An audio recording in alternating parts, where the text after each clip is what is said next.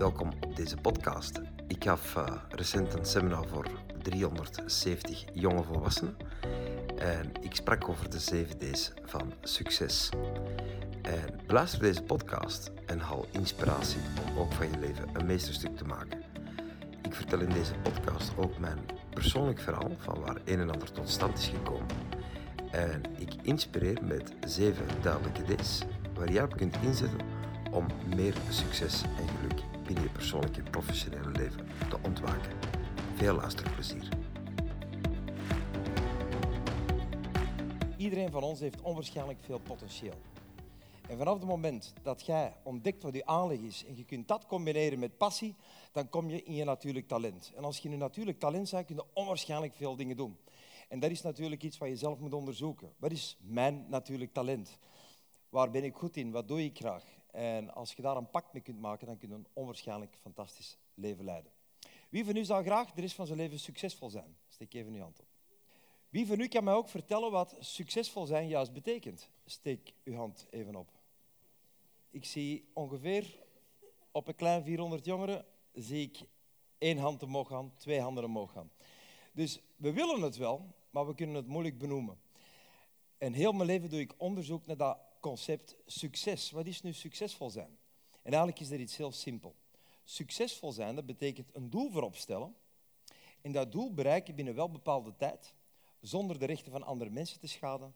En daarbij een fantastisch gevoel te ontwikkelen van yes, ik heb dat gedaan. En dan ga je naar het volgende doel. En dat is het toffe in ons leven, dat we verschillende doelen kunnen bereiken. Nu, wie van u zou graag de rest van zijn leven gelukkig zijn? Steek even uw hand op. Alright. Wie van u kan mij ook vertellen wat gelukkig zijn juist betekent? Ik zie weer in twee, drie handen. Heel weinig mensen kunnen dat zeggen. Ook daar heb ik onderzoek naar gedaan. En gelukkig zijn, dat komt tot stand vanaf het moment dat uw levensverwachtingen uw levensomstandigheden ontmoeten. Vanaf het moment dat uw omstandigheden in een moment in verbinding komen met de levensverwachtingen, dan voelt u goed als mens. Om te kunnen ontdekken wat gelukkig zijn juist betekent, ben ik moeten gaan onderzoeken wat betekent nu net ongelukkig zijn. En wanneer worden mensen ongelukkig? Vanaf het moment dat ze grip verliezen op bepaalde levensgebieden. Vanaf het moment dat bepaalde levensgebieden minder gaan. Bijvoorbeeld vanaf het moment dat je minder relatie hebt, ja, daar wil je meestal niet gelukkig bij. Vanaf het moment dat je minder conditie hebt of minder gezondheid hebt, daar voel je je niet blij mee. Vanaf het moment dat je minder centen hebt dan daarvoor, ga je echt niet gelukkig bij voelen. Vanaf het moment dat je minder hebt van dingen, ga je ongemakkelijk voelen. Dus eigenlijk, gelukkig zijn ontstaat van groei. Het gevoel dat je vooruit gaat richting de levensverwachtingen die dat je graag zou willen realiseren. En op jonge leeftijd, ik ben natuurlijk ook jong geweest, ik ben vandaag 54. Damn, de tijd gaat snel zich. En voor mij is het leven ook één groot veld geweest dat je kunt onderzoeken en exploreren. En waar je kunt experimenteren met jezelf om bepaalde dingen te realiseren. Ik heb ontdekt dat iedereen van ons onwaarschijnlijk veel kan realiseren. En het komende uur, uur en een half, ga ik een aantal inzichten meegeven dat jij kunt gebruiken om een binnenweg te pakken naar succes en geluk. Mijn grote leven is begonnen op mijn 17. Um, moet ik even terugdenken, dat was in 1982. Ja, ik zou de vraag willen stellen, waar was jij in 1982? Maar dan was je ergens aan het zwemmen, denk ik, in het zijn van uw pa. Uh, het is trouwens zo dat u allemaal kampioenen bent, hè? wist je dat? U bent letterlijk geboren kampioenen. Allemaal. Eender wie van ons. Je bent een geboren kampioen. En dat bedoel ik dan ook zeer letterlijk. Want wat is je leeftijd trouwens? Zeg het eens even luid op tegen de persoon die naast je zit. Wat is je leeftijd? Alright? Dus neem even jouw leeftijd. Oké? En stel dat je 18 bent. En ga 18 jaar terug. Negen maanden ervoor was uw papa met uw mama aan het spelen. Die waren iets aan het doen. Die waren elkaar gewoon graag aan het zien. Allee, dat denk ik toch. En uw papa zei op een zeker moment... Boom! En daar is uw race begonnen. Jij zou beginnen zwemmen, zwemmen, zwemmen, zwemmen, zwemmen, zwemmen, zwemmen, zwemmen. Samen met miljoenen anderen. Kun je dat voorstellen? Miljoenen. Kun je je voorstellen dat je een loopwedstrijd of een zwemwedstrijd doet met miljoenen anderen? Hop, en jij zou beginnen demareren. Je zou die kop beginnen nemen. Je zou beginnen vooruitlopen. En jij wordt een van de eerste. En op een zeker moment, boem, zit jij thuis, stelkje van je mama gesprongen. En negen maanden later waren geboren. De kans dat je ergens in een papiertje was beland de kans dat ze je hadden doorgeflushed in het toilet was zeer. Maar jij hebt het gewoon gemaakt en je zit hier vandaag. Ze geven luid op, ben een geboren kampioen. Ja, en dat is ook. Ze geven tegen de persoon die naast je zit, jij bent een geboren kampioen.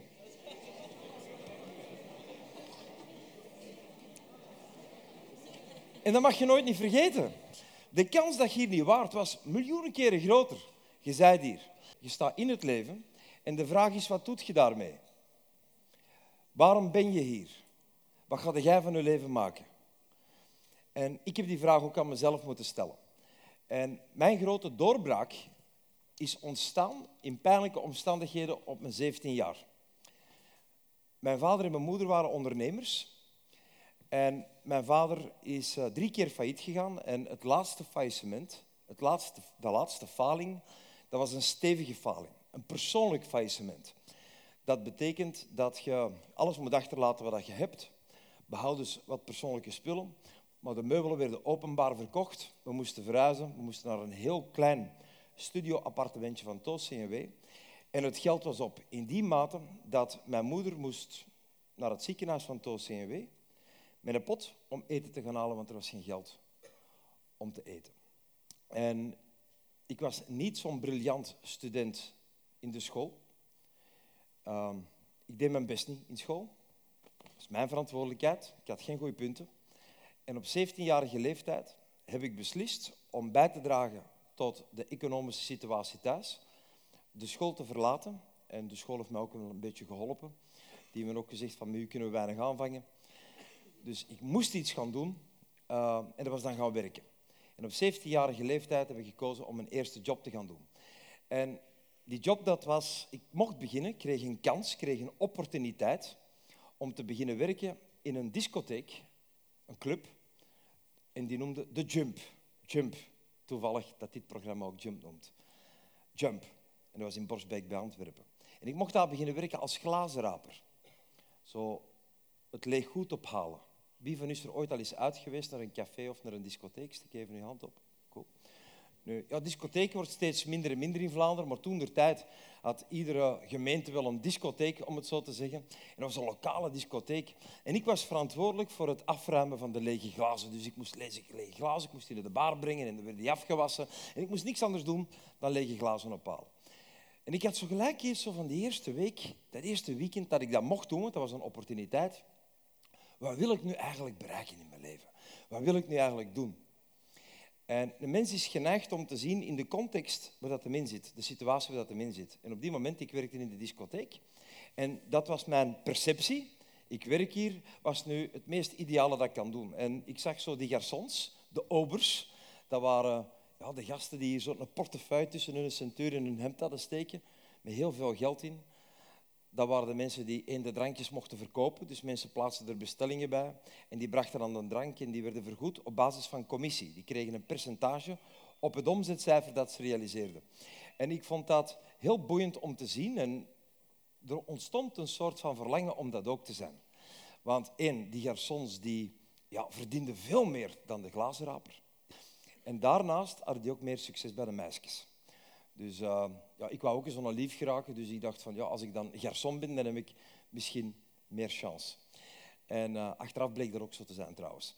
En ik begon dus te kijken naar de beste garçon in heel die discotheek.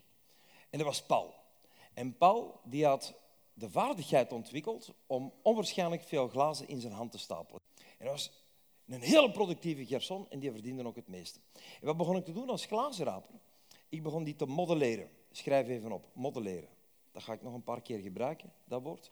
Modelleren is het kopiëren van een succesvolle strategie. Het nadoen van iemand die zeer goed is in iets.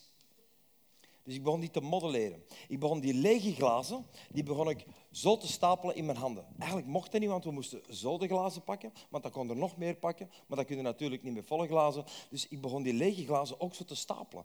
En ja, dat eerste weekend is er natuurlijk heel veel glas gesneuveld, want die vielen allemaal op de grond. Maar op een zeker moment had ik ook de behendigheid om zeven glazen in mijn hand te stapelen. En ik had ook die flow ontwikkeld. Ik had zelf de pas van de Paul overgepakt hoe dat hij stapte. En de baas van die discotheek, die had mij in de gaten. Zei, wat is die kerel nu eigenlijk allemaal aan het doen? En die riep mij die zegt van, uh, kerel, kom eens hier. Wat zei jij nu aan het doen? Je moet die glazen zo pakken. Ik zeg, ja, ik ben aan het oefenen. Voor wat? Ik zeg, ja, ik wil ooit uw beste garçon ooit zijn. Ah, oké, jij wilt garçon worden. Ik zal u helpen, zegt.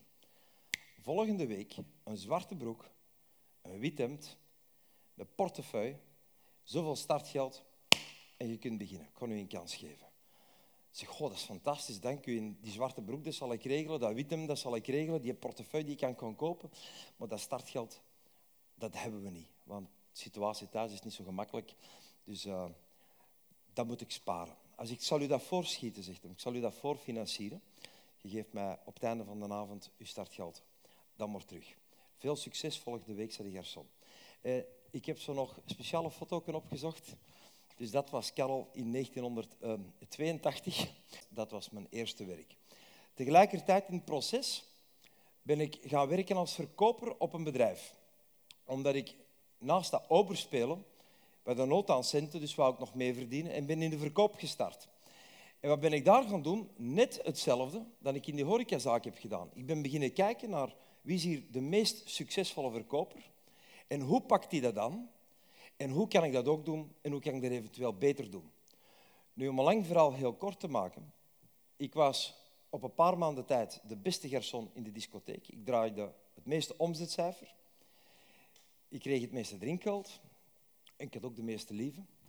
Daarnaast werkte ik als verkoper. En ook daarna een paar maanden tijd draaide ik het meeste omzetcijfer, omdat ik gewoon de beste verkopers op die company had gemodelleerd. Op 21 jaar kreeg ik het gevoel, ik kan het beter dan de baas wat ik nu verwerk. Ik ga een eigen bedrijf beginnen. En ik ben zonder startkapitaal, want ik heb nooit echt gespaard op die leeftijd. Ik ben zonder startkapitaal een onderneming in de wereld gaan zetten. Om onmiddellijk vast te stellen dat ik het niet beter kon dan de baas wat ik verwerkte. Want ik had heel veel zorgen heel veel problemen, heel veel tegenslagen op mijn pad. Ik verdiende heel weinig geld. De omzet was minder dan de rekeningen die moesten betaald worden. Ja, en dan weet je, dan steef je natuurlijk af op een persoonlijk faillissement. Bovendien werden we in die periode, want ondertussen had ik uh, ook het grote lief gevonden, om het zo te zeggen, welke nu nog altijd mijn vrouw is. We zijn 34 jaar getrouwd. Ik heb Maurientje leren kennen op mijn 19 jaar. Dus ondertussen waren wij ook getrouwd. We waren in verwachting. Marientje was in verwachting van ons eerste zoontje. Dat werd geboren, maar met een aangeboren hersentumor. Net het moment dat ik mijn eerste onderneming in de wereld had gezet. En ons eerste kind moest sterven. Dus dat was niet te redden en is ook gestorven, maar allemaal in de periode dat ik net dat bedrijf in de wereld had gezet. Dus je kunt je ook voorstellen dat je ambitie om te gaan ondernemen plotseling heel wat minder is dat je met een persoonlijk drama zit. En daar heb ik mezelf moeten doorwerken. En ik heb heel veel gehad aan de steun van succesvolle, geslaagde ondernemers. Op een zeker moment, omdat ik natuurlijk in moeilijkheden zat, ik had geen oplossingen. Failliet gaan was geen optie. Want ik was opgestart met de voorschotten die ik had gekregen van klanten. Ik was gaan verkopen, ik vroeg 30% aanbetaling aan mijn eerste klanten. En ik heb genoeg geld bij elkaar gewerkt dat, uh, dat ik kon opstarten, dat ik genoeg kapitaal had om te beginnen. Maar stoppen was geen optie natuurlijk, want dan waren die mensen hun centen kwijt. En dat had ook niet correct geweest langs mijn kant. En ongeacht mijn persoonlijke omstandigheden moest ik mezelf in een soort van weerbaarheid brengen om een en ander voor elkaar te werken. En je kunt wel de attitude hebben, je kunt wel de mindset hebben, je kunt wel het geloof en het doorzettingsvermogen hebben, maar als je de vaardigheden en de skills niet hebt, ja, dan kom je er nog niet. Dus je moet ook de vaardigheden hebben. En die had ik niet. Ik was wel een goede verkoper, ik was een goede garçon geweest, maar ik had niet de vaardigheden om succesvol te ondernemen. En ik ging naar recepties toe, de bijeenkomsten waar succesvolle ondernemers kwamen. Dus ik schreef me in op netwerkbijeenkomsten van bedrijfsverenigingen. En dan deed ik zo wat vooronderzoek. We zijn hier de meest geslaagde ondernemers. En dan ging ik die mannen zo wat vragen stellen. Zo. Want dat waren meestal mannen in die tijd. Dan ging ik zo die mannen vragen stellen van, zeg, hoe pakte jij dat om? Doe jij marketing? Hoe, hoe, hoe, hoe kom je aan de juiste mensen? Hoe organiseerde jij je bedrijf? Hoe is je productie geregeld? En, en, en, en, en. En die mensen bekeken me zoiets van, man, wat kom jij doen? Ik bedoel, het is hier een receptie, we drinken een glas. Dat zijn vragen dat je niet moet moet stellen. We zijn hier om te verbinden en een leuke babbel met elkaar te doen. Dus ik kreeg geen antwoorden. En ik werd echt wanhopig op die moment. Want ik had echt kennis nodig om te kunnen lukken, want anders stond er heel veel natuurlijk te verliezen. Voor mezelf en ook mijn echtgenoten. We zouden alles kwijtgeraakt zijn. En toen was er zo een programma op televisie, jullie gaan dat waarschijnlijk niet, niet, kennen of niet weten, maar wie heeft er al eens gehoord van het programma Jambers? Jambers. Wie heeft er al eens gehoord van Paul Jambers? Wel, dat was een reporter en in de jaren tachtig had hij een programma Jambers en die stelde vragen van wie zijn ze? Waar leven ze? Wat drijft ze? Wat beweegt ze? En als je niemand ging interviewen, die kreeg onwaarschijnlijk veel antwoorden op zijn vragen, omdat hij was de reporter. En ik dacht bij mezelf, kon eens een keer iets heel zot doen. Ik kon mezelf gewoon omdopen tot reporter. Ik heb er ook geen studies voor gedaan, maar kon gewoon die titel bij mij pakken, reporter. En ik ga succesvolle ondernemingen contacteren, succesvolle bedrijfsleiders contacteren, onder de vorm van ik ben reporter en ik ga u interviewen. En ik ga zien dat ik zo informatie uit deze mensen kan krijgen. Ik ben toen een project opgestart, de denk- en doelpatronen van succesvolle Vlaamse topondernemers. En ik belde gewone bedrijven die succesvol waren. Ik zei van, goeiedag, u spreekt met Karel van der Velde. Ik ben reporter. En ik zou graag de persoon spreken, de zaakvoerder van het bedrijf, voor een interview alsjeblieft. Dan kom je altijd bij de juiste persoon. En dan kreeg ik de zaakvoerder aan de lijn en dan stel ik, goeiedag, ik ben Karel van der Velde. Bent u de persoon die verantwoordelijk is voor het succes van deze onderneming? Dan wordt er meestal ja geantwoord. Zeg, ah, fantastisch. Graag zou ik u een keer interviewen, want ik schrijf een rapport over de denkende doelpatronen van succesvolle ondernemers. En graag zou ik u tijdens een lunch of een diner bevragen. Ik had eigenlijk de centen om die mensen uit te nodigen. Maar dacht, ik kom gewoon in het rood en ik zie wel wat er komt en ik zie dat ik een en ander kan redden. En de meeste van die ondernemers die gingen in op mijn verzoek. En ik ging die mensen dan ontvangen in een heel schoon restaurant. Ik had dan ook op voorhand een degustatiemenu besteld met aangepaste wijnen. Want ja, ik spreek nu over de jaren 80, eind jaren 80, begrijp goed.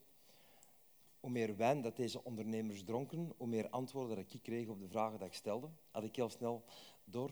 En ik stelde vast dat al die ondernemers die ik om mijn tafel kreeg, op die moment heel open waren. En ik kon eender welke vraag stellen. Ze gaven mij ook de antwoorden die ik nodig had. Dus ik verzamelde op heel korte tijd inzichten waar je soms als ondernemer 30 jaar moet achteraan gaan. dat was enorm, enorm waardevol om te doen. En wat dikwijls ook gebeurde, want ik vertelde gewoon heel kwetsbaar mijn eigen verhaal, want ik was natuurlijk nog een snottaap, ik was van voor in de twintig. Ik zei van, kijk, ik ben tegelijkertijd ook een startende ondernemer en ik ben dit project opgestart om informatie te bekomen.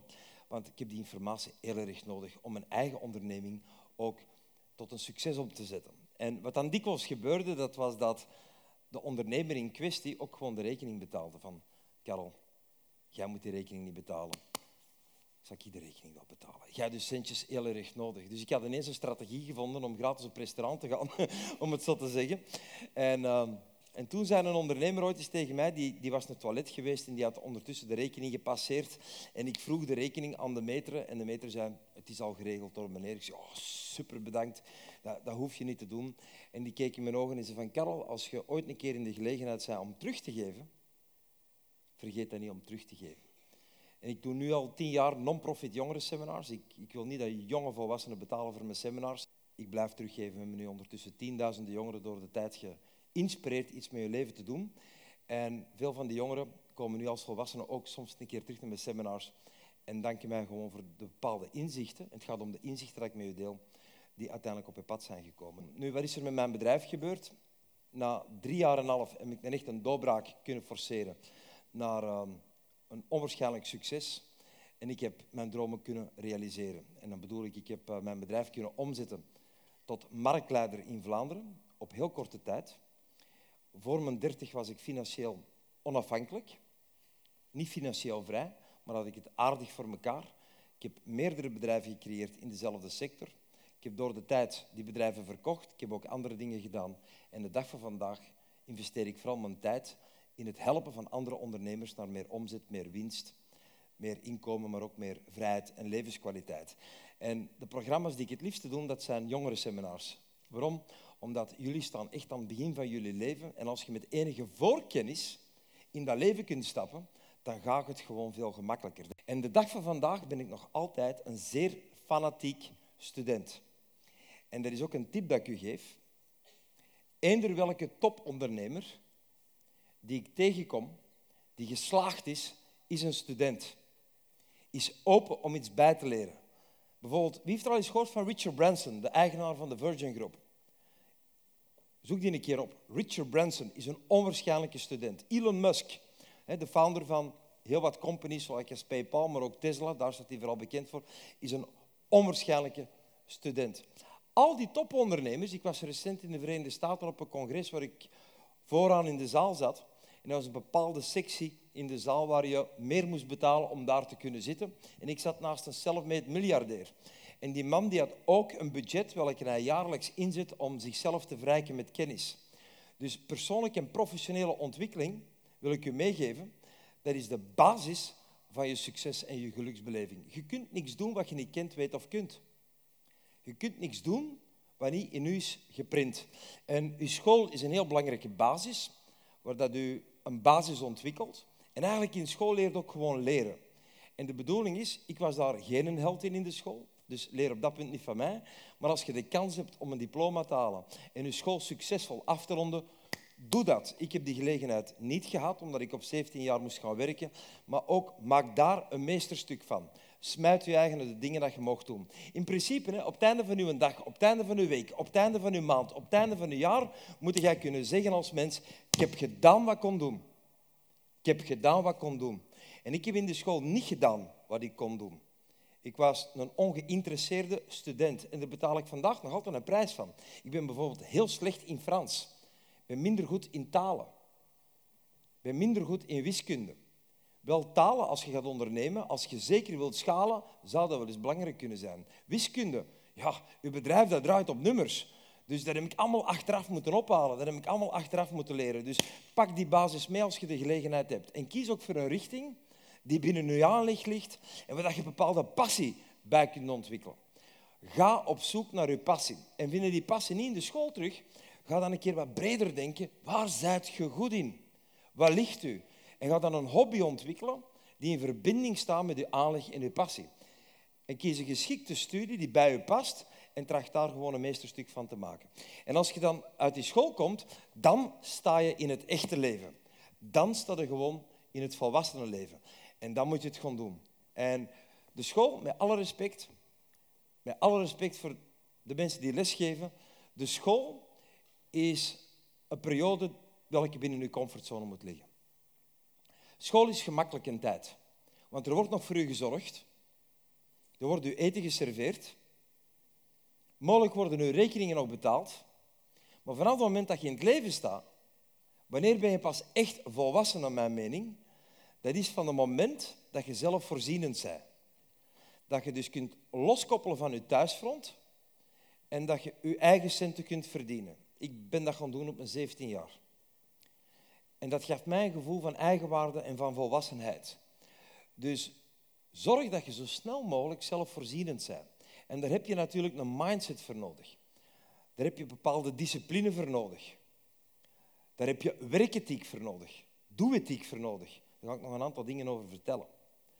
Nu, het is mijn bedoeling om u zodanig te coachen binnen de korte tijd dat ik heb, want ik heb maar een dikke uur, een uur en een half, alles bij elkaar, om u een mindset mee te geven en een inzicht mee te geven dat zeer duidelijk is, een soort van strategie, dat u gaat behelpen om van uw leven een succes te maken. En als we elkaar binnen tien jaar tegenkomen, dan zou ik het fantastisch vinden dat je naar mij toe zou komen en zou zeggen van, zeg Karel, ik was ooit in Brugge op het Jump Seminar. Je hebt toen een aantal dingen gezegd, ik heb dat meegenomen en vandaag heb ik dit gerealiseerd. En we doen dit natuurlijk al vijf jaar.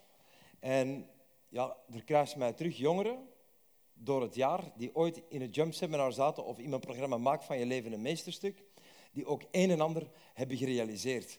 Zoals uh, onlangs werd ik geconfronteerd met jongeren die met een eigen drank in de wereld gezet hebben, een soort van drankenhandel opgezet, een goede business. Langs alle kanten hoor ik verhalen terugkomen van jongeren die er iets hebben mee gedaan. En moet je nu een ondernemer worden? Nee, dat moet niet. Dat moet absoluut niet. Dat mag en dat kan. Doch als je gaat ondernemen, dan moet je met een aantal zaken rekening houden. En ik ga een aantal dingen voorkaderen binnen de korte tijd dat ik heb. En ik kan u al gelijk meegeven dat mensen die topprestaties leveren, dat zijn mensen die gaan all in. Die smijten zich volledig. En ik ga een aantal richtlijnen meegeven hoe dat je all in moet gaan.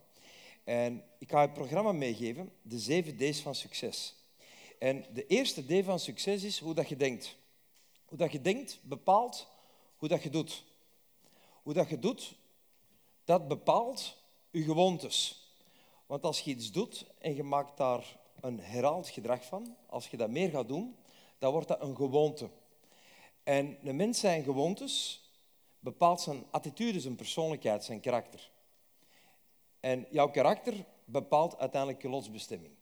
En als jij succesvol wilt zijn, als jij een gelukkige lotsbeleving wilt ervaren, dan begint dat bij je denken. En als we gaan denken, dan denken we op diverse manieren. En we kunnen denken op diverse manieren. En laat ik u daar even bij helpen. De eerste manier van denken die we allemaal kennen is nadenken. Wie denkt er al eens na? Steek even je hand op. Oké, nadenken. Dat doen de meeste mensen. Dat is nadenken. Ik doe dat ook. Af en toe moet je eens nadenken. En wat is nadenken? Nadenken, dat is je gedachten laten werken op datgene wat geweest is, op het verleden. Daarom noemt het ook nadenken. We, we laten onze gedachten werken op het verleden. Maar het verleden is te meer het nu. Bijvoorbeeld, denk eens aan de meest verdrietige moment die dat je ooit in je leven hebt ervaren. Denk eens een keer op een moment dat je mislukt bent in je leven. Denk eens een keer op een moment dat je bent afgewezen door iemand anders. Denk eens op een moment dat je fysieke pijn gedaan in je leven. Dus je bent nu het nadenken. En als ik dit kanaliseer naar onvermogende momenten, dan ben je ook negatief aan het nadenken. En in je leven gaat er nog heel veel meemaken.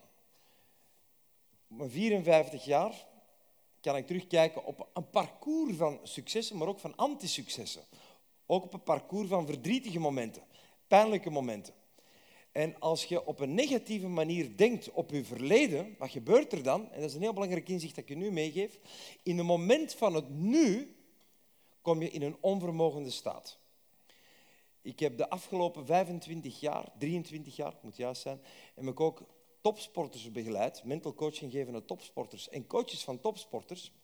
En wat zeer interessant is, als bijvoorbeeld een sporter een aantal anti-successen, dus met andere woorden een aantal verloren wedstrijden, op rij heeft, en hij denkt er in een moment op terug, dan gaat zijn gevoel naar beneden. Of je gevoel gaat naar beneden.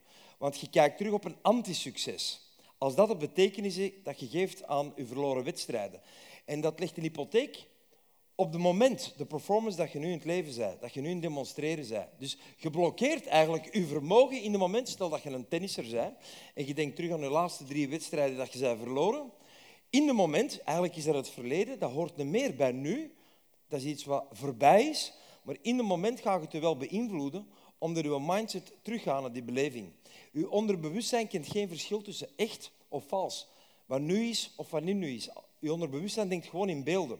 Dus als jij denkt aan je verloren wedstrijden, dan voelt je op het moment verloren. Je staat niet in je kracht, je gaat je werkelijk potentieel niet benutten en je gaat gelimiteerd actie ondernemen. Dus als je op een negatieve manier nadenkt, dan ligt een hypotheek op je succesbeleving. Wat je eigenlijk moet doen, en dat doen succesvolle mensen, je moet op een positieve manier nadenken. En wat is op een positieve manier nadenken? Dat is een positieve betekenis geven aan datgene wat is geweest. Bijvoorbeeld, oké, ik heb nu drie wedstrijden verloren. De kans is zeer groot dat ik nu terug ga winnen. Want ik blijf niet verliezen. Ik heb gewoon tegenslag gehad, ik heb eruit geleerd. Bovendien heb ik een aantal inzichten meegenomen vanuit mijn verloren wedstrijden, die ik nu kan gebruiken om een betere performance af te leveren. Dat is positief nadenken. Als je afgewezen bent door iemand die is ooit, dat zal allemaal wel eens een keer overkomen, dat je eens een keer afgewezen wordt door iemand dat je graag ziet en dat maakt een impact op u, moet een positieve betekenis aangeven, want succesvol zijn is kunnen omgaan met afwijzing. Hoe meer succesvol dat je wordt, hoe meer dat je afwijzing op je pad krijgt. Ik zal u een voorbeeld geven. Wie heeft al eens gehoord van Justin Bieber? Steek even die hand op. Justin Bieber. En wat is uw mening over Justin Bieber? Mag ervan zeggen wat je wilt, maar die, die jonge gast heeft bepaalde doelen gesteld, heeft ze ook gerealiseerd. Maar vanaf het moment dat hij op het toppunt van zijn succes stond, had hij ook de meeste bashers en haters. Juist of niet juist? Er zijn onwaarschijnlijk veel jongeren en volwassenen die kritiek hebben gegeven op Justin Bieber. Op het toppunt van zijn succes. Ze kunnen omgaan met afwijzing. En succesvolle mensen kunnen omgaan met afwijzing. Dus stel dat jij eens een keer afgewezen bent door iemand, hoe kun je er op een meer constructieve manier mee omgaan? Stel, je gaat solliciteren en ze wijzen u af. Ik krijg wekelijks sollicitanten, krijgen wij over de vloer. En we kunnen niet iedereen in dienst nemen. Dus we wijzen ook eens iemand af. Maar ik onmiddellijk meegeef aan die persoon die komt solliciteren, zie dit niet als iets negatiefs, zie dit als een leerervaring. Ik ga je vertellen waar dat je kunt op inzetten om in de toekomst wel mogelijk een job bij ons te krijgen. Hou hier en hier rekening mee. Nu, die persoon vindt het in het moment niet plezant dat hij de job niet heeft. Nu, als hij in de toekomst na drie maanden er nog altijd last van heeft dat hij de job niet heeft, dan is hij zijn eigen saboteren op het vinden van een fantastische job op een ander bedrijf. Je moet leren uit je ervaringen. En dat doe je door positief na te denken. Op jonge leeftijd hebben we ons eerste kind moeten afgeven, welke gestorven is aan een geboren hersentumor. En als uw kind sterft, dat is gewoon verschrikkelijk. En dat verlamde mij compleet. En mijn echtgenoten ook. Hoe hebben wij er moeten mee omgaan? We hebben daar een positieve betekenis aan moeten geven. U kunt zeggen van, Karel, hoe kunnen we daar nu een positieve betekenis aan geven? Wel, wij hebben gewoon de vertaling gemaakt van, kijk, alles wat nu gaat gebeuren in ons leven kan nooit zo zijn dan datgene wat we hebben meegemaakt. Dus we hebben ons portie al gehad en we zijn verdomd sterk geworden naar de toekomst toe. Bovendien, als ik nu ooit nog eens de gelegenheid krijg om een kind op de wereld te zetten en dat kind is gezond, dan heb ik iedere dag een aangelegenheid om gelukkig te zijn. Want ik weet wat de waarde is van een gezond kind naast u te mogen hebben. Ik heb vandaag twee gezonde kinderen, dus ik ben een hele gelukkige mens. Meer heb ik al niet nodig. Bovendien kan ik onwaarschijnlijk goed relativeren. Als ik een probleem op mijn pad heb nu, dan denk ik even terug aan het verleden wat ik heb meegemaakt en dan zeg ik, poh, toen was het veel erger en zwaarder en veel emotioneler dan het eigenlijk nu is. Dus ik kan onwaarschijnlijk gemakkelijk met de omstandigheden omgaan. Dus ik heb er een positieve betekenis aan gegeven. Topperformers die denken vooral voor. Ze laten hun gedachten werken op datgene wat komt. Wees een dromer. Je moet je toekomstige werkelijkheid, dat jij voor ogen ziet, die moet je eerst mentaal creëren. Dus ga voordenken. En als je gaat voordenken, dan kan je dat ook weer doen op een negatieve manier. Dus je kunt een negatieve betekenis geven aan datgene wat komt. En wat krijg je dan in het moment? Dat is angst. Angst, stress en bezorgdheden. Een mens leidt trouwens het meest om het lijden dat hij vreest. En dat verlamt u ook weer in het moment. Dus de toekomst bestaat nog niet. Het verleden is voorbij, bestaat eigenlijk ook niet meer. Je leeft alleen in het nu. En als jij in het nu positief kunt voordenken op je toekomstige werkelijkheid, dan word je gemotiveerd, intrinsiek gemotiveerd om dat te gaan bereiken. Als je in het proces daarbij nog een keer positief nadenkt, ja, dan kijk je terug op een rijk verleden. Op toffe dingen die dat je kunt meenemen. En zo ontwikkelde langzaam maar zeker een winnende mindset. Een succesvolle manier van denken. Want je bent nu architect van je eigen leven. Je moet nu flirten met jouw toekomstig leven, waar jij gaat leven. Droom. Droom over fantastische dingen. Hoe zie jij jezelf binnen 10, 15 jaar in het leven staan? Denk daar eens op voor. Hoe zie je zelf in het leven staan? Dus ik was 21 jaar, ik had nog geen bedrijf en ik zag een eigen fabriekspand. Geen gewoon pandje, ik zag een fabriekspand, een industriebouw, waar dat bestelwagens binnen en buiten reden. Ik zag gewoon een afdeling met allemaal secretarissen zitten die voor mij aan het werken waren. En die waren een typen op elektrische typemachine. Ja, je kent het waarschijnlijk niet meer, maar in de jaren 80 was dat zo. Dan typte men op elektrische typemachine en die waren allemaal facturen aan typen. Die konden uitgestuurd worden. Eén secretarisse die ging de post halen uit de brievenbus. Ja, nu doen we dat op onze app, maar toen was dat echt de post van de bank. Die kwam dus gewoon fysiek op papier kwam dat binnen. Die kwam dat voor mij leggen. Ik had zo'n hele chique gouden briefopener. Ik deed dat open. Ik haalde dus de bankuittreksels eruit en ik zag een bedrag staan. Met een getal met heel veel nullen achter. Ho, was er een krijk. Dat was in mijn droom. Hè? En ik zag mezelf in een vergaderzaal. Ik was het te uitleggen. En er zat, ik had een driedelig kostuum aan. En er zaten allemaal mensen. En die zaten allemaal te luisteren en ja te knikken naar mij. Ja, ja, ja, maar ja, ja, dat is waar. En ik zag mezelf met een schone auto rijden. En ik zag mezelf in een schoon villa wonen. Allemaal zo. Ik zag er allemaal voor mij in mijn droom. En dan beginde. Je hebt de ene tegenslag na de andere. En alles is anders dan in uw droom. Alles is compleet anders. En ineens stelde vast, zeven jaar later leeft gewoon die fucking reality. En sterker nog, als ik nu terugkijk, dan is mijn leven vandaag een veelvuldigheid van wat ik ooit heb gedroomd. Dus je kunt onwaarschijnlijk veel realiseren. Marco Borsato heeft een liedje Dromen zijn bedrog. Dat klopt niet. Dromen zijn voortekenen van je toekomstige werkelijkheid. Als je er ook iets voor doet. Want het komt niet vanzelf. Je moet er iets voor doen. Dus als jij een sporter wilt zijn, ga dromen om aan die top te staan. Bijvoorbeeld Ronaldo, die voetballer, die heeft gewoon beslist om de meest legendarische voetballer te worden die er ooit in de geschiedenis is geweest. En dat is goed bezig, denk ik. Hè? Michael Jordan, een van de meest legendarische basketbalspelers ooit geweest, heeft ook gewoon beslist om gewoon top te zijn. Om buitengewoon te zijn in datgene wat het hem doet. Kim Kleisters, tennister, heeft op jonge leeftijd, ze was 7, 8 jaar, heeft ze voor een camera al gezegd, ik ga de beste in de wereld kloppen. Dus met andere woorden, ik kon de nummer 1 worden. En dat was toen een droom, dat was geen werkelijkheid.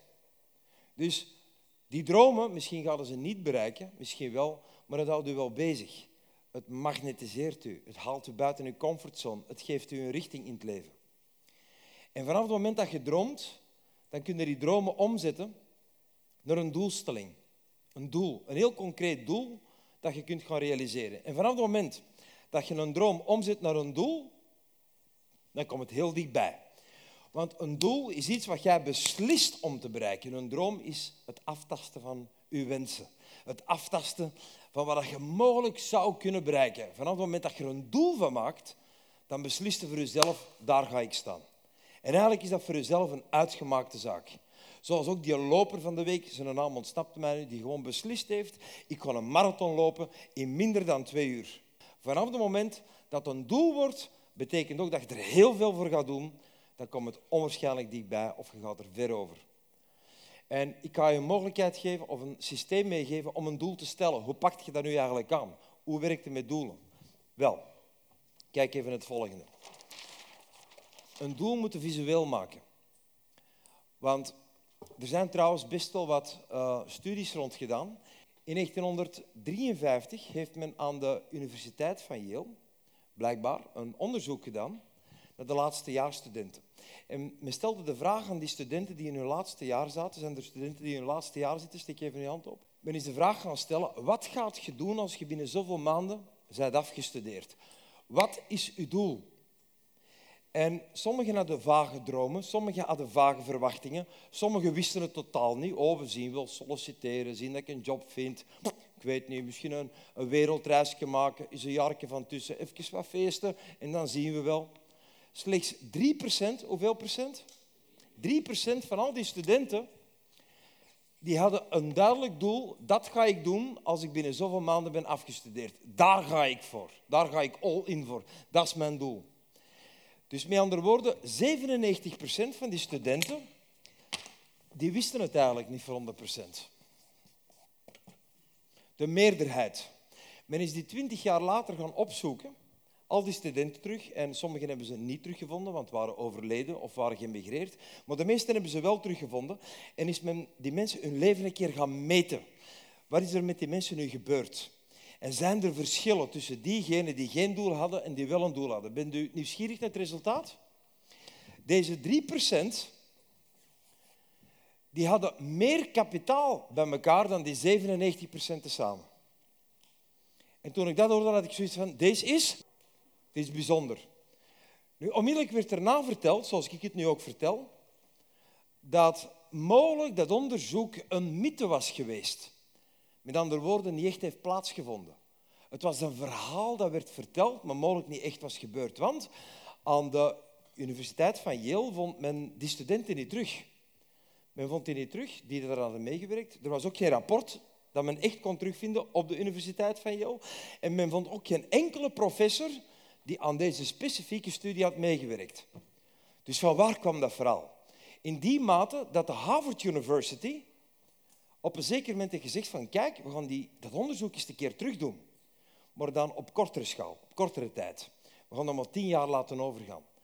En in het kader van een MBA-programma heeft de Harvard University ook weer aan de laatste jaarstudenten de vraag gaan stellen van wat ga je doen met je toekomst dat je ze hebt afgestudeerd binnen een paar maanden. En ik ga u heel het verhaal, want ik heb al die statistieken en, en cijfers heb ik bij me, maar ik ga het gewoon kort houden. Heel toevallig, 3% van de studenten die hadden duidelijk neergeschreven, dus uitgeschreven doelen op papier staan. Dat ga ik doen. En de rest hadden bepaalde verwachtingen. Hadden dikwijls wel doelen, maar niet neergeschreven. Maar 3% van de studenten, hetzelfde aan die andere studie, had duidelijk uitgeschreven doelen. Dan is men die tien jaar later terug gaan opzoeken. En men is gaan meten, waar staan deze nu in het leven, die studenten. Allee, welke ondertussen volwassenen waren. Ben je curieus het resultaat? Die 3% die duidelijk neergeschreven doelen hadden, die hadden meer dan het tienvoud van al deze mensen samen. Meer dan het tienvoud in kapitaal bij elkaar. Als ik het vertel, krijg ik iedere keer kiekenbobbelen. Wat kunnen we hiermee?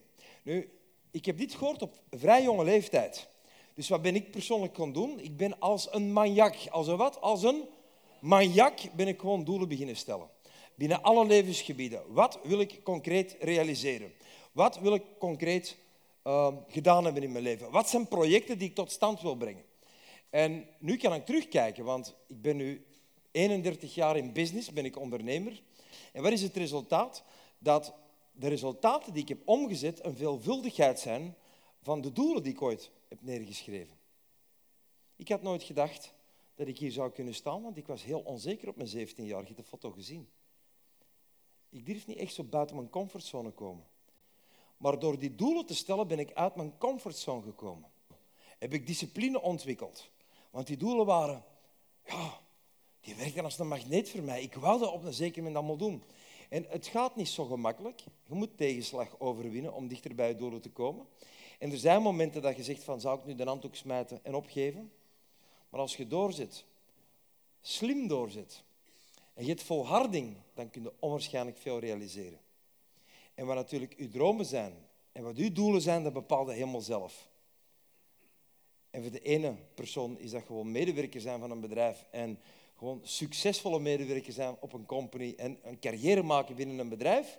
En voor een andere persoon is dat in de sport stappen en daar de top bereiken. Voor iemand anders is dat artiest zijn en daar iets in uitbouwen. Voor de andere persoon is dat misschien met kunst bezig zijn. De andere persoon is dan weer iets anders. Dus ga op zoek wat bij u past en ga all in. En onderschat niet wat je kunt doen. Vele mensen overschatten wat ze op een jaar kunnen doen, maar onderschatten wat ze op tien jaar tijd kunnen doen. Kunt onwaarschijnlijk veel realiseren. Als ik zie wat ik heb gedaan van mijn 17 tot mijn 27, dat was echt niks, 0 eurocenten, niks in mijn zakje. Mijn ouders die naar het CNW ziekenhuis moesten om eten te gaan halen. En op mijn 27 jaar was ik gewoon eigenaar van twee bedrijven, waar één een onwaarschijnlijke KMO was en marktleider was in België. Op tien jaar tijd. En als ik dat kan, zonder enig schooldiploma, ik schrijf nog altijd met DT-fouten trouwens, de dag van vandaag, ik heb nu onwaarschijnlijk veel secretaristen dat dat voor mij verbeteren, maar ik schrijf nog altijd met fouten. Als ik dat kan, dan kun jij ook veel realiseren. En alles vertrekt vanuit de doelen. En als je een doel stelt, geef ik je mee, dan nodig ik je uit om een goaltree te maken. En dat is een mindmap van datgene wat je wil bereiken. En ik ga erin coachen en dit kunnen de rest van je leven gebruiken. Je tekent een boom. Dat is een hele plastische boom. Je ziet, ik heb talent voor kunst, hè? Nu, als je een boom hebt, zo, zo van, boven, zo dit, hoe noemt men dat? Dat is de, de kruin van de boom. De kruin van de boom, dat symboliseert uw doel. Dus als je deze tekening maakt, en maak even allemaal mee deze van de boom. In de bovenkant van uw boom, in de kruin van de boom, daar schrijft je je doel in op. Maar echt letterlijk van, ik wil, ik zal zeggen, stel dat je miljonair wilt zijn, om nu even iets heel populair te pakken, wat heel veel jongeren vandaag willen worden, self-made miljonair, zeker met de social media, hè, wordt dat, iedereen kan miljonair worden en dat kan in principe ook. Alleen doen de meeste mensen daar niet de juiste en genoeg dingen voor om dat te zijn. Maar stel dat je dat wilt zijn, miljonair, dan schrijf je miljonair. Wil jij bijvoorbeeld een gezin met drie kinderen, welke gewoon bruist op harmonie, dan zijn gezin met drie kinderen bruisen van harmonie. Stel dat je topsporter wilt zijn, je wilt de nummer één zijn in een bepaalde discipline, bijvoorbeeld in de basket in België. Hop, dus oh, nummer één, basket, eh, schrijf je doel, schrijf het op. En dan mag je onmiddellijk, want u plant een zaadje. Vanaf het moment dat jij een doel stelt, dan gaat ook een engagement aan, een verbinding aan een soort van contract aan met je doel. Alles doen wat binnen mijn mogelijkheden ligt en binnen de grenzen van ethiek ligt om dat doel te realiseren. En vanaf het moment dat jij die, die doelboom maakt, dan teken je hier van onder de datum van vandaag. We zijn vandaag de hoeveelste? De 16e. We zijn de 16e oktober. 1610. Stel dat we vandaag een doel stellen, dan schrijf er één datum van onder. Dat is dat je zaadje eigenlijk hebt geplant.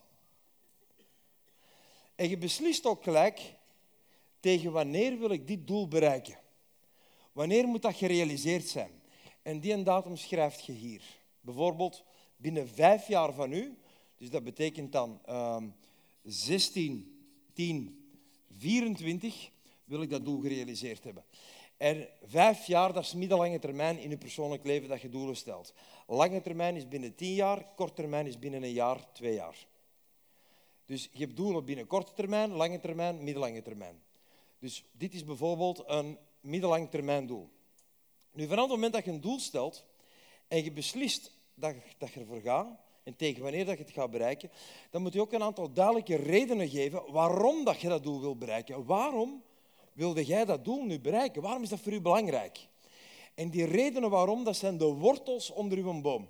En voor wat die wortels onder een boom? Eén, die wortels zorgen dat je een boom voeding krijgt, want die wortels die trekken voedingsstoffen uit de grond, komen in de wortels en gaan naar de kern van de boom, zodanig dat die boom gezond kan groeien. En uw doel heeft ook inspiratie nodig.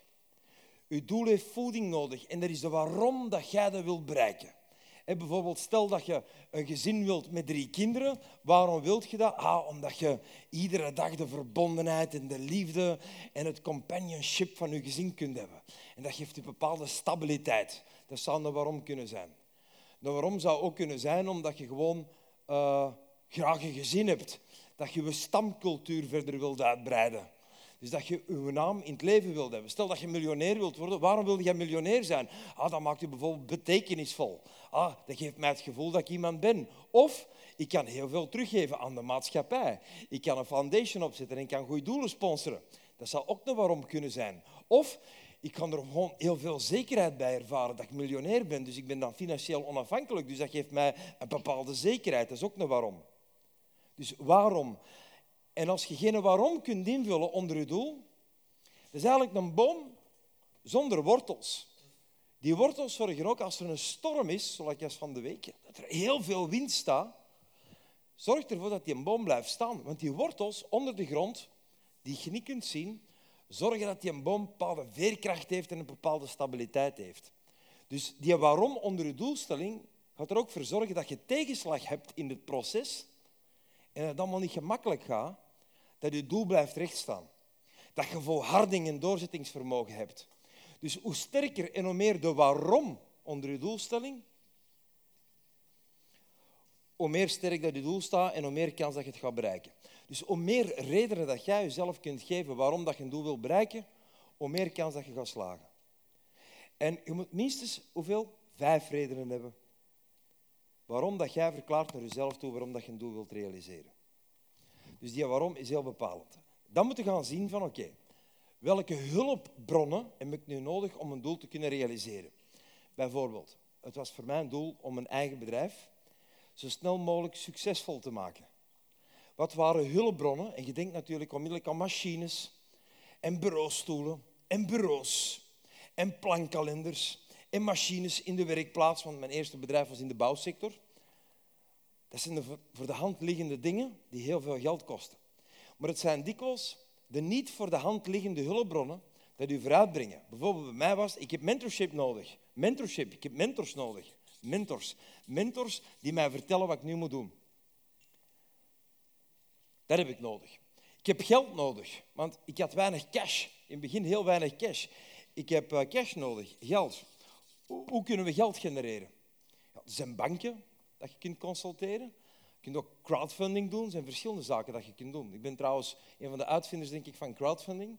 Want ik heb eh, in 1988 een eigen crowdfunding opgezet. Ik heb mijn, mijn klanten, mijn eerste klanten, heb ik mijn bedrijf laten voorfinancieren. Wat vrij ongewoon was op die moment. Wat had ik nog nodig? Dat was een bedrijfspand. Een bedrijfspand om te kunnen werken. En, en, en, en. Dus al die hulpbronnen ben ik hier gaan opschrijven.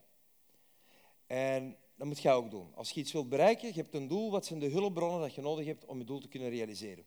En dan, natuurlijk, je moet ook actie ondernemen. Je moet heel concrete dingen doen, to-do's. Wat moet je allemaal doen om je doel te kunnen realiseren? Alle acties je moet doen, die je moet opleveren om je doel te kunnen realiseren. Bijvoorbeeld als je in de sport actief bent, dan moet je gewoon fysieke training doen.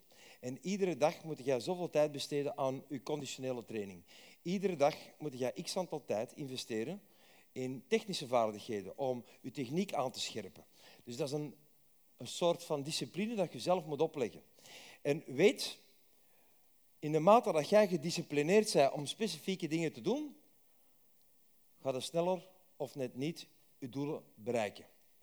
Zij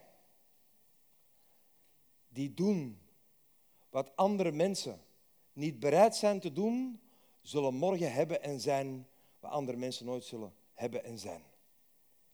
Dus met andere woorden, alles zit in de discipline om bepaalde dingen te doen. Dus leg jezelf bepaalde acties op die in verbinding staan met datgene wat je wilt realiseren. Dus dat is een doelboom. En ik leer mensen om dat te maken. Dat is een mindmap. Als je er naartoe kijkt, dan zie je onmiddellijk heel veel. Je ziet onmiddellijk, oké, dat is mijn doel. Toen heb ik dat doel gesteld. Tegen dan wil ik het bereiken. Daarom wil ik het bereiken. Dat is mijn waarom. Dit zijn de hulpbronnen die ik nodig heb. En dit zijn de acties die ik moet ondernemen. Weet dat die een boom dynamisch is. Je kunt je iedere keer bijstellen. Je kunt er nieuwe dingen opschrijven als je aan iets denkt.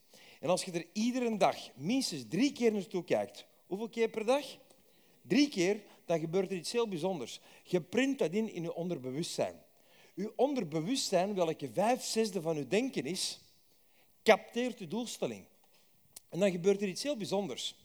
In ons brein zit een Reticular Activation System, een RAS. En dat is een orgaantje dat bepaalt welke informatie die dat je binnenhaalt via je vijf zintuigen naar je bewustzijn wordt gedelegeerd en naar je onderbewustzijn wordt gedelegeerd. En je brein is een soort van grote computer. En alles wat hier gebeurt is input voor uw computer. Maar die computer is heel slim. Uw brein, dat kunnen ze nog altijd niet reproduceren. Dat zit zo ingenieus in elkaar. Dat heeft zoveel onderdelen die tot in staat zijn om fenomenale dingen te doen. Dus je hebt een RAS, een Reticular Activation System. En dat bepaalt wat relevant is voor u en wat minder relevant is voor u. En datgene wat minder relevant is, dat wordt gewoon naar uw onderbewustzijn gebracht. En datgene wat relevant is, wordt naar uw bewustzijn gebracht. Bijvoorbeeld, u bent in een stad voor u die totaal onbekend is. Een voor jou onbekende stad. En je barstende hoofdpijn. En je denkt bij jezelf van, oh, ik heb een pijnstiller nodig. Dan ga je uitkijken naar wat? Een apotheek. En hoe kun je een apotheker kennen? Een groen kruis. In sommige steden is dat een rood kruis, of in sommige landen, maar pak een groen kruis. In België is dat een groen kruis. Een groen kruis dat licht geeft. Dus stel dat jij barstende hoofdpijn hebt en je hebt nood aan een pijnstiller, dan gaat op zoek naar een apotheek en jij associeert daar onmiddellijk een lichtgevend groen kruis bij. Dus op die moment, je loopt door een stad, dan ga je gewoon die apotheken zien. Ah, daar, daar is er een, daar is er een, of daar is er een. Stel nu, je bent in diezelfde stad en je bent er met de fiets en je hebt een lekke band. En je hebt een fietsenmaker nodig voor een band te maken. En je gaat op zoek naar een fietsenmaker. Ga je dan diezelfde groen kruisen nog zien? Ga je die apotheken ga je dat bewust waarnemen? Nee, dat loopt gewoon straal voorbij, dat je dat zelf niet gezien hebben. Dus je brein brengt bepaalde zaken naar je bewustzijn en bepaalde zaken naar je onderbewustzijn. Vanaf het moment dat jij je doel imprint naar je onderbewustzijn, wat gaat er dan gebeuren? Uw reticular activation system gaat opportuniteiten die er altijd zijn, naar uw mind brengen. Hier kunt iets mee. Nu stel dat u een onbewust doel hebt gepland om ongelukkig te zijn. Zijn er mensen die altijd klagen, zagen, zuchten en puffen? Zijn er mensen die altijd negatief in het leven staan? Zijn er mensen die negatief voordenken? Die denken op zorgen. Wel, wat gebeurt er? Uw brein gaat bepaalde zaken naar uw bewustzijn brengen, die gebeuren, die er zijn, welke in verbinding staan met uw geklaag, met uw gezag en met uw angsten. En net dat ga je waarnemen. Ik kan u meegeven, ik sta nu een hele tijd in het leven. Er zijn mensen die miserie aantrekken. Die magnetiseren met shit en miserie. En er zijn mensen die blijkbaar voor succes geboren zijn. Die opportuniteiten aantrekken. Die altijd meevallen die altijd chance hebben. Die hebben niet altijd chance. Geluk hebben is een samenloop van gunstige omstandigheden dat we meestal bewust of onbewust zelf hebben gecreëerd. En wat die tegenslag hebben, dat is een samenloop van ongunstige omstandigheden dat we meestal ook zelf op bewust of onbewust niveau hebben gecreëerd. Dat is mijn overtuiging. Succes, beste vrienden, en geluk ook, dat is een keuze. Dat is mijn overtuiging, ongeacht wat er in uw leven gebeurt. Ik heb meer tegenslag gehad in verhouding met de meeste mensen. En dat is ook heel logisch, want ik heb heel veel gedaan. En als je heel veel doet, heb je meer kans op tegenslag. Maar door de tijd heb ik een soort van weerbaarheid opgebouwd vanuit die ervaring, het verlies van mijn eerste kind, dat mij succesvol doet omgaan met tegenslag. En als je succesvol wilt zijn, moet je omkunnen met tegenslag. Want het is jezelf voor de gek houden dat je denkt dat heel je leven dat voor je ligt een samenloop gaat zijn van gunstige omstandigheden. Het leven brengt u out of your comfort zone. En je wordt uit je comfortzone gebracht door één, tegenslagen die zich voordoen, en twee, de doelen dat je stelt in je leven. Want als jij een ambitieus doel stelt, dat is ook buiten je comfortzone. En waar heb je nu het liefste? Dat je uit je comfortzone komt door onvermogende omstandigheden die zich voordoen in het proces of door je doelen, die je zelf doen kiezen om uit die comfortzone te stappen. Ik kan een voorbeeld geven. Um, ik weet niet meer in welk jaar, maar het zal ondertussen acht, acht jaar geleden zijn. Um, ik doe zo van die jongere seminars, doe ik nu al tien jaar. En er was een meisje, die, die seminars zijn voor jongeren vanaf 15, 15 jaar. En een meisje van 10 jaar stelt mij de vraag van, mag ik meedoen aan uw seminar? Heel lastig om daarop te antwoorden, want de leeftijd, de ondergrens is 15. En er zijn natuurlijk jongeren in de zaal die een broertje of een zusje hebben van minder dan 15, die niet konden meekomen. Dus ik zeg tegen dat meisje, eigenlijk is dat lastig om daar te zijn, want de ondergrensleeftijd is 15. Ik zeg, oké. Ik zeg, maar zit dan wel achteraan in de zaal. Dus ga eenmaal achteraan zitten, dat je niet echt in het zicht zit. En doe gewoon lekker mee. En ja, hoe jonger dat je deze kennis meekrijgt, eigenlijk des te beter. Dus gewoon lekker mee. En ik maak de oefening die ik hier nu ook maak, met die gold tree. En ik geef dus de opdracht aan alle jongeren. We hebben daar nu de tijd niet voor, maar normaal is dat een oefening die ik echt doe. Want kom aan, pak eens een doel vast. Dus ik reken erop dat je dat gewoon thuis gaat doen. Dat je echt eens een aantal constructieve doelen voor jezelf gaat vooropstellen in verbinding met die dromen. Dus ik doe die oefening met de zaal. En dat kind van tien jaar, dat meisje, dat staat achteraan in de zaal en die maakt ook nog een gold tree. En die had erop geschreven, meedoen aan Junior Eurosong en een bekende muzikant te zijn. Dat is zoveel jaren geleden. En wat gebeurt er? Misschien even het oorzaak-gevolgketen van heel het verhaal vertellen. Um, dat meisje speelde drum en gitaar, is met muziek bezig en zit op een pop- en rockatelier. Nu, dat pop- en rockatelier die beslissen om een soort van voorstelling te geven voor de ouders en de vrienden van de ouders. En de kinderen mochten samen met dus de leraren optreden hè, en performance geven. En ze bellen dus naar de mama van, van dat meisje van tien jaar. Zeg, zou, zou jullie dochter willen misschien een keer een, een drum solo, eens een keer een performance geven op de recital dat we doen. Ah, ik zal het vragen. En de moeder vraagt aan haar dochter van, zeg, wilt jij? En die dochter zegt, ah ja, natuurlijk, want ik heb een Goldtree gemaakt, een bekende muzikant te worden. Dus tuurlijk is dat een actie die in verbinding staat met mijn doel. Ja, dat ga ik doen.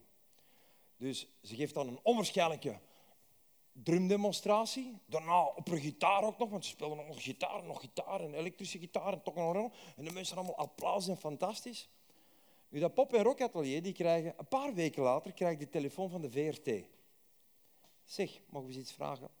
we zoeken een drummer voor uh, Junior Eurosong. Hebben jullie zo iemand? Door het feit dat dat kind zich heeft gesmeten op die recital, denken ze onmiddellijk aan haar. En zeggen, ja, we kennen zo wel iemand. We zullen eens vragen aan die moeder, want die brengt die altijd dat ze eventueel wil meedoen. Dus we vragen aan die moeder van dat kind, zeg, zou jullie dochter eventueel een auditie willen doen? Drum voor Junior Eurosong. Zal het eens vragen aan onze dochter. Ze vragen aan dat meisje. En zegt, tuurlijk wil ik dat doen. Wat is sorry met een doelboom? Fuck, heb wat die Karel heeft gezegd, dat is waar. Plotseling begint uw realiteit te matchen met datgene wat ik het voor opgesteld. Dus de meisje gaat meer drumstokken. En ze pakt ook haar gitaar mee naar de VRT. Ze komt ertoe en onmiddellijk zeggen ze daarvan... Ja, sorry, tof dat je gekomen bent, maar een drummer is juist gekozen. Fuck. En dat meisje gaat zitten, is een beetje verdrietig, maar ze wou haar emoties niet laten zien. Ze doet haar gitaarzak kopen en ze begint op haar gitaar te spelen. Om even haar emoties te kanaliseren. En ze begint op haar gitaar te spelen. Ineens gaat die deur terug open. Wie is op de gitaar spelen? We zoeken nog een gitarist. Voor hier met de band. Kom eens even terug binnen. Boom! En ze zat in Junior Eurosong. In minder dan een jaar nadat ze die Goldtree had gemaakt. Dus boom! Ineens in Junior Eurosong. Het verhaal stopt daar niet. Ze hebben die wedstrijd gewonnen. Ze hebben die wedstrijd gewonnen. En samen misschien nog herkenbaar met Fabian. Want dat was de artiest. En zij was de gitariste van Fabian. Werden ze uitgezonden naar het buitenland. Nu, toevallig dat jaar was het Amsterdam. En in Amsterdam moesten ze optreden voor meer dan 20 miljoen tv-kijkers en 5000 mensen in de zaal. En ze werden denk ik vijfdes in die competitie. Nu, door die performance zegt het management van Fabian en de platenmaatschappij van kijk, we gaan je onder contract nemen en we gaan je boeken op festivals. jongerenfestivals en, en, en, en, en, en. En je mocht een band samenstellen, dus kies maar met wie dat je wilt werken. En Fabian zegt van oké, ik wil zij en zij. Dus de toetsenisten en dan de gitaristen. En dat meisje is een hele zomer kunnen gaan optreden op festivals. Het verhaal stopt daar niet. Het kind is ook een briljant student. Ga Latijn-Grieks doen, daar zeggen ze in school. Je zult je instrumenten aan de muur moeten hangen, want hier moeten echt wel studeren, ga weinig ruimte en tijd hebben. Dus het kind zegt, oké, dan moet ik van school veranderen, want ik heb ooit eens een keer een Goldtree gemaakt, een bekende muzikant te worden, dus ik wil daar wel mee verder. Dus verandert van richting, verandert nog eens van richting, naar de kunsthumaniora. En op een zeker moment beslist dat meisje om op haar 16 jaar, welke een heel goede student is, behoorlijk begaafd, beslist om alle studies te doen via midi-jury. Op vijf maanden tijd heeft ze alle diploma's gehad. En all in te gaan voor hun muziek. Ze begint te produceren, dance music te produceren, future house genre, kennen jullie waarschijnlijk wel. Boom, boom, boom, boom. Uh, dit jaar, geloof ik, heeft ze voor de eerste keer op Tomorrowland gedraaid als DJ. En ze is nu ook getekend door het label van Brooks, u waarschijnlijk wel bekend. Dus Two Dutch label. En Armin van Buren met Armada is nu in onderhandeling om haar uh, nieuwe release mogelijk uit te brengen. En wat helemaal fantastisch is van heel dit verhaal, het is eigenlijk mijn eigen dochter. Applausje voor Luna. En waarom vertel ik u dit verhaal? Ga eens een keer naar Instagram, Luna Fields Music. Ze heeft trouwens een onwaarschijnlijke set voor u opgenomen, een, een mixtape met onwaarschijnlijk grave, vette muziek dat jullie ook een keer kunnen beluisteren in de weekend, dat je goesting hebt voor een feestje of zo. Dus volg er op Soundcloud en Instagram. Ga het gewoon eens een keer bekijken, dan kan je ook het verhaal volgen.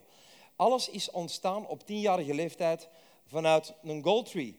En ik durf eerlijk zeggen, ik ben niet de coach van mijn kinderen. Ik ben ook de slechtste coach van mijn kinderen. Want ik ben de papa. En jullie weten dat ook van uw eigen ouders, is soms moeilijk om iets aan te nemen. En uh, ik ben niet de coach van mijn kinderen. Dat moeten andere mensen maar doen. Dat is nu het management, welke mijn dochter heeft getekend. En dat zal haar roadmanager zijn en al de mensen dat er ronddraaien. En wat heeft ze ook gedaan? Ik moet kunnen leren van de beste. Ondertussen heeft ze met een producer samengewerkt die voor Prince heeft gewerkt. Heeft ze met topproducers samengewerkt en gezeten. Heeft ze Steve Aoki kunnen ontmoeten. En, en, en, en, en. Dus een en ander is in beweging. Maar dat komt gewoon omdat je gewoon dat doel hebt vooropgesteld. Dat je dat doel niet voorop stelt, dan, dan zie je die opportuniteiten niet. Dan heb je die kansen niet. Je hebt ook niet de werkethiek. Mijn dochter werkt tussen de 8 en de 12 uur per dag. Dus we hebben samen een schema gecreëerd en dat is pure topsport. En bij voorkeur 12 uur, Want je moet all ingaan, 12 uur per dag moeten met je ding bezig zijn. Je moet er verleven, je moet er echt verleven. Anders komt het niet. En ze is nog maar net 18. Snap je hoe snel dat kan gaan? Dus op een paar jaar tijd kan er onwaarschijnlijk veel gebeuren. En ik kan u één ding zeggen. Ik zit nu zelf ook een beetje mee in die wereld. Ik kan er wat mee van proeven. Ik ben ook mee naar Tomorrowland mogen gaan. Ah, fantastisch. Achter de schermen als roadie van mijn eigen dochter. En ik mocht er begeleiden. Maar daar kun je ook met die toppers spreken. Er zijn ook die mensen die gewoon op een hoger level staan. En ik kan u één ding zeggen. De mensen die op een hoog level spelen. Als je bijvoorbeeld de coach bent van de Rode Duivels. Of gespeeld uh, in, het, uh, in het premium elftal, zal ik maar zeggen dan verwachten mensen onwaarschijnlijk veel van u. Mensen verwachten veel van u. Ik verwacht heel veel van mijn directe samenwerkers. Heel veel. En als ik veel van u verwacht, dan steken dat ik heel veel in u zie. Dat ik veel potentieel zie in u. Als ik weinig verwacht, ja, dan ga ik eigenlijk u ook niet lastigvallen met mijn verwachtingen. Dus vanaf het moment dat iemand tegen u zegt van, come on, come on, laat eens wat meer zien, is teken dat mensen iets in u zien. Dus de mensen die, die lastig zijn tegen u, die uit de kot trekken, die zeggen, dat verwacht ik van u, dat zijn mensen die iets in u zien. En deze zien we dikwijls als storend. Want er is iemand dat druk uitoefent. Maar in het leven heb je wat druk nodig, beste vrienden. Het leven is redelijk hard hoor. Zeker dat je rekeningen niet kunt betalen. Dus als mensen iets in u zien, Reageer er dan positief op zich, dan dank u dat je mij gelooft. Merci daarvoor. Ik ben streng voor mijn kinderen. Ze hebben het mij van de weekend nog alle twee eens gezegd van, jij bent eigenlijk best wel een strenge papa. Ja, tuurlijk. Ik zie veel in mijn kinderen. Ik zie dat potentieel. En ik ben heel supporterend. Ik ben heel gevend, maar ik ben daarnaast, ondanks dat ik mijn kinderen zou kunnen beladen met gunsten en met centen en met cadeaus ben ik een behoorlijk strenge papa. Want anders ontneem ik hun het recht om te presteren. Ik wil dat mijn kinderen het gevoel van vervulling en voldoening ervaren, welke komt na de prestatie. Want als je een goede thuis hebt en je smijt alles maar naar je kinderen en ze moeten er niks voor doen, dan verkloot je kinderen. Want je pakt de kans op voldoening en vervulling af. Een van de mooist rijke emoties dat je kunt ervaren. Dus, zeven D's van succes. Alles begint bij een droom. En die komt vanuit je denken. Dus je moet beginnen denken over je dromen. Dan moet je dromen omzetten in duidelijke doelen. En dan moet je natuurlijk ook durven. Want als je hogere doelen stelt, dan moet je uit je comfortzone komen. Dan moet je durven.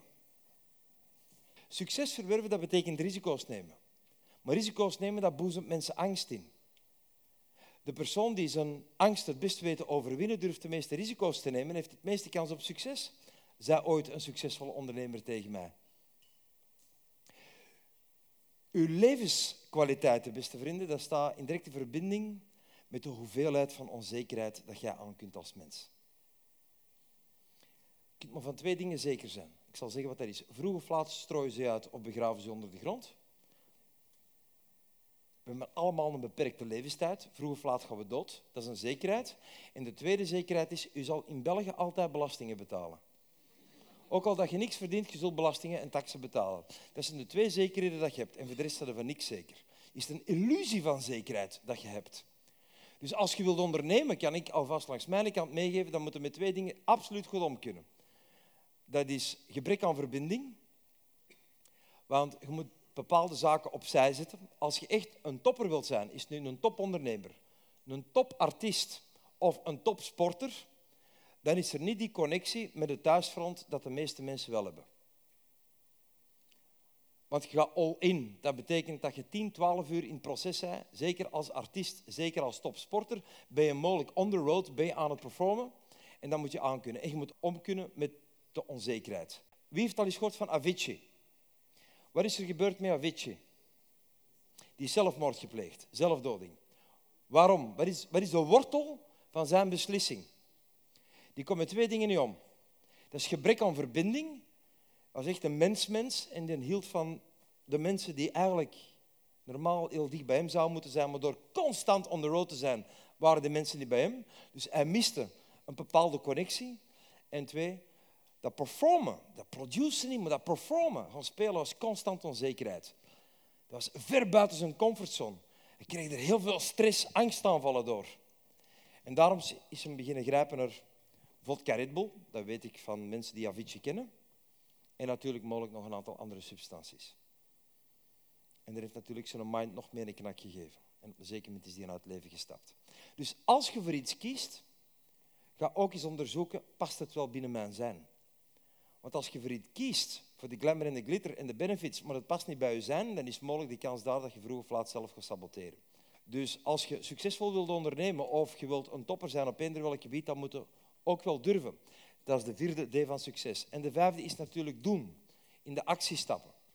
En hier wil ik, ik heb nog vijf minuten, daar ga ik heel kort iets over vertellen. Er zijn drie soorten acties dat je kunt nemen. Je kunt uh, constructieve acties nemen. Je kunt passieve acties ondernemen. En je kunt destructieve acties ondernemen. Wat is een destructieve actie? Dat is iets doen waar je op voorhand van weet dat het u of anderen schaadt. Bijvoorbeeld drugs gebruiken. Dat weet je, dat is illegaal. Vroeg of laat loop ik mogelijk tegen de lamp. En het is niet goed voor mijn lichaam. Of te veel alcohol drinken. Ik drink ook graag eens een glaasje. Hè? Maar als je tegenhoudt met een auto en je hebt een glaasje te veel gereden, dat is al een eerste miserie dat je op je pad hebt. Nog erger, als je iemand anders verwondt terwijl dat je geïntoxiceerd met een auto rijdt, dat is nog veel dramatischer. Dus je moet constant in vraag stellen. Wat ik nu doe, is dat destructief? Is dat passief? Het schaadt niet, maar het draagt ook niet bij. Of is het constructief? En wat is constructief? Dat is iets doen waar je op voorhand van weet, dit gaat het proces verbeteren, dit gaat mij ten goede komen, dit gaat me dichter bij mijn doelen brengen, dit is goed voor me. En zorg ervoor dat je constructief onderneemt. Nu, wat heel belangrijk erbij is, dat is nabijheid. Er bestaat zoiets als de wet van de law of proximity, de wet van nabijheid. En wat is de wet van nabijheid? U bekomt zoals de mensen waar je veel tijd mee spendeert. Ik heb op een zeker moment, op mijn 17, afscheid moeten nemen van mijn kennissenclubje. Want tot voor mijn 17, ik had een bureau en dat is de Alma in Stad. En de Alma in Stad was een studentencafé. En in plaats van in de school te zijn, zat ik eigenlijk, ging spijbelen, ik zat gewoon in studentencafé. En er werd gedronken en er werd gefeest. Allemaal heel plezant, hè? En je moet feesten, hè? absoluut. Hè? Maak fun hè, in je leven. Doe dat. Pak uw moment daarvoor. En doe het dan op een constructieve manier. Ga feesten, gewoon met het idee van, voilà, ik heb dat nu even nodig, kom me er goed bij voelen en doe geen destructieve dingen als je in het feesten bent. Dus pak je een moment om een feestje te bouwen. Dat moet je absoluut doen in het leven. Heel je leven door. Af en toe moet een feestje, een celebration hebben voor iets waar je kunt over vieren. Doch, ik was ik zodanig aan het celebraten. Ik had eigenlijk het recht niet om te celebraten. Ik zat gewoon in een café met een tijd te verdoen. Met allemaal jongeren die daar ook vonden dat ze daar moesten zitten. En op een zeker moment ging ik werken. Echt werken. In de weekend en in de week. En ik heb heel mijn proximity veranderd. Heel mijn nabijheid veranderd. Ik heb tegen die gasten gezegd van gasten, tof, jullie mogen, doe maar, maar ik moet nu even deze doen. Ik moet mijn leven even op rails zetten. Beste vrienden, we geven nu inzichten uit decennia levenservaring uit eerste hand. Dit is beproefd wat we vertellen, dat werkt. Stel dat de persoon naast je zegt, allemaal zever, allemaal boost, ah, allemaal gebakken lucht, allemaal dit, allemaal dat. Durf, als je dan wel openstaat voor de kennis, van plek te veranderen. Durf ergens anders te gaan zitten. Want als die persoon in je oor blijft fluisteren, op een zeker moment ben je geïntoxiceerd. En als je dan toch laat intoxiceren, kun je beter laten intoxiceren door mensen met een positieve invloed. Mensen die constructief zijn. Ik heb op een zeker moment ervoor gekozen om mij te omringen met mensen die bereikt hebben wat ik graag wil bereiken. Met mensen die voedend in het leven staan. Met mensen die ook iets van het leven willen maken. Mijn bedrijf is nu ook georganiseerd op mijn bedrijven, op mensen die constructief samen met mij dingen willen realiseren. Als er morgen iemand tussen zit dat destructief is voor mijn onderneming, dan nemen wij er afscheid van. Dus uw attitude, uw persoonlijkheid, dat je ontwikkelt in het proces, is zo belangrijk. Is zo belangrijk. Neem dat vast. Dus als je gaat doen, Zie dat je vooral constructieve dingen doet. En dat moet je ook doorzetten. Want zeker ook jonge volwassenen, ik ben dat trouwens ook altijd geweest, zijn redelijk ongeduldig. Je wilt dat de dingen rap gebeuren, dat de dingen snel gebeuren voor u. Heb gewoon geduld. Op een zeker moment heb ik gedacht, oh, hier ga ik nooit niet door.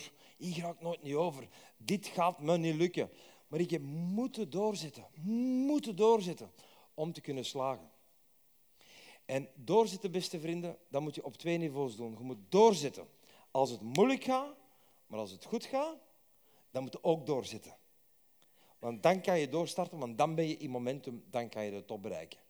En sommige mensen stoppen ook met doorzetten vanaf het moment dat ze net in die momentum zijn. Dan zeggen ze, het is goed nu, ik heb het bereikt. Nee, nee, er is nog zoveel meer. Er is onwaarschijnlijk veel wat je kunt realiseren. En dat doe je natuurlijk altijd op basis van de laatste D, en dat is discipline zelfdiscipline. Je moet jezelf kunnen disciplineren om specifieke dingen te doen die in verbinding staan met het leven dat je wilt leiden. En je moet jezelf kunnen disciplineren om specifieke dingen niet te doen die je weerhouden het leven van je dromen te leiden. Dus zelfdiscipline, schrijf op, zelfdiscipline is een vaardigheid welke de meeste topperformers allemaal eigen zijn. Je kunt geen top worden in de basket dat je zelf niet kunt disciplineren om specifieke dingen te doen. Je kunt geen top worden in de basket dat je zelf niet kunt disciplineren om bepaalde dingen niet te doen. Dus zelfdiscipline is zo belangrijk. En dit zijn de zeven D's van succes. Uh, wie vond het interessant?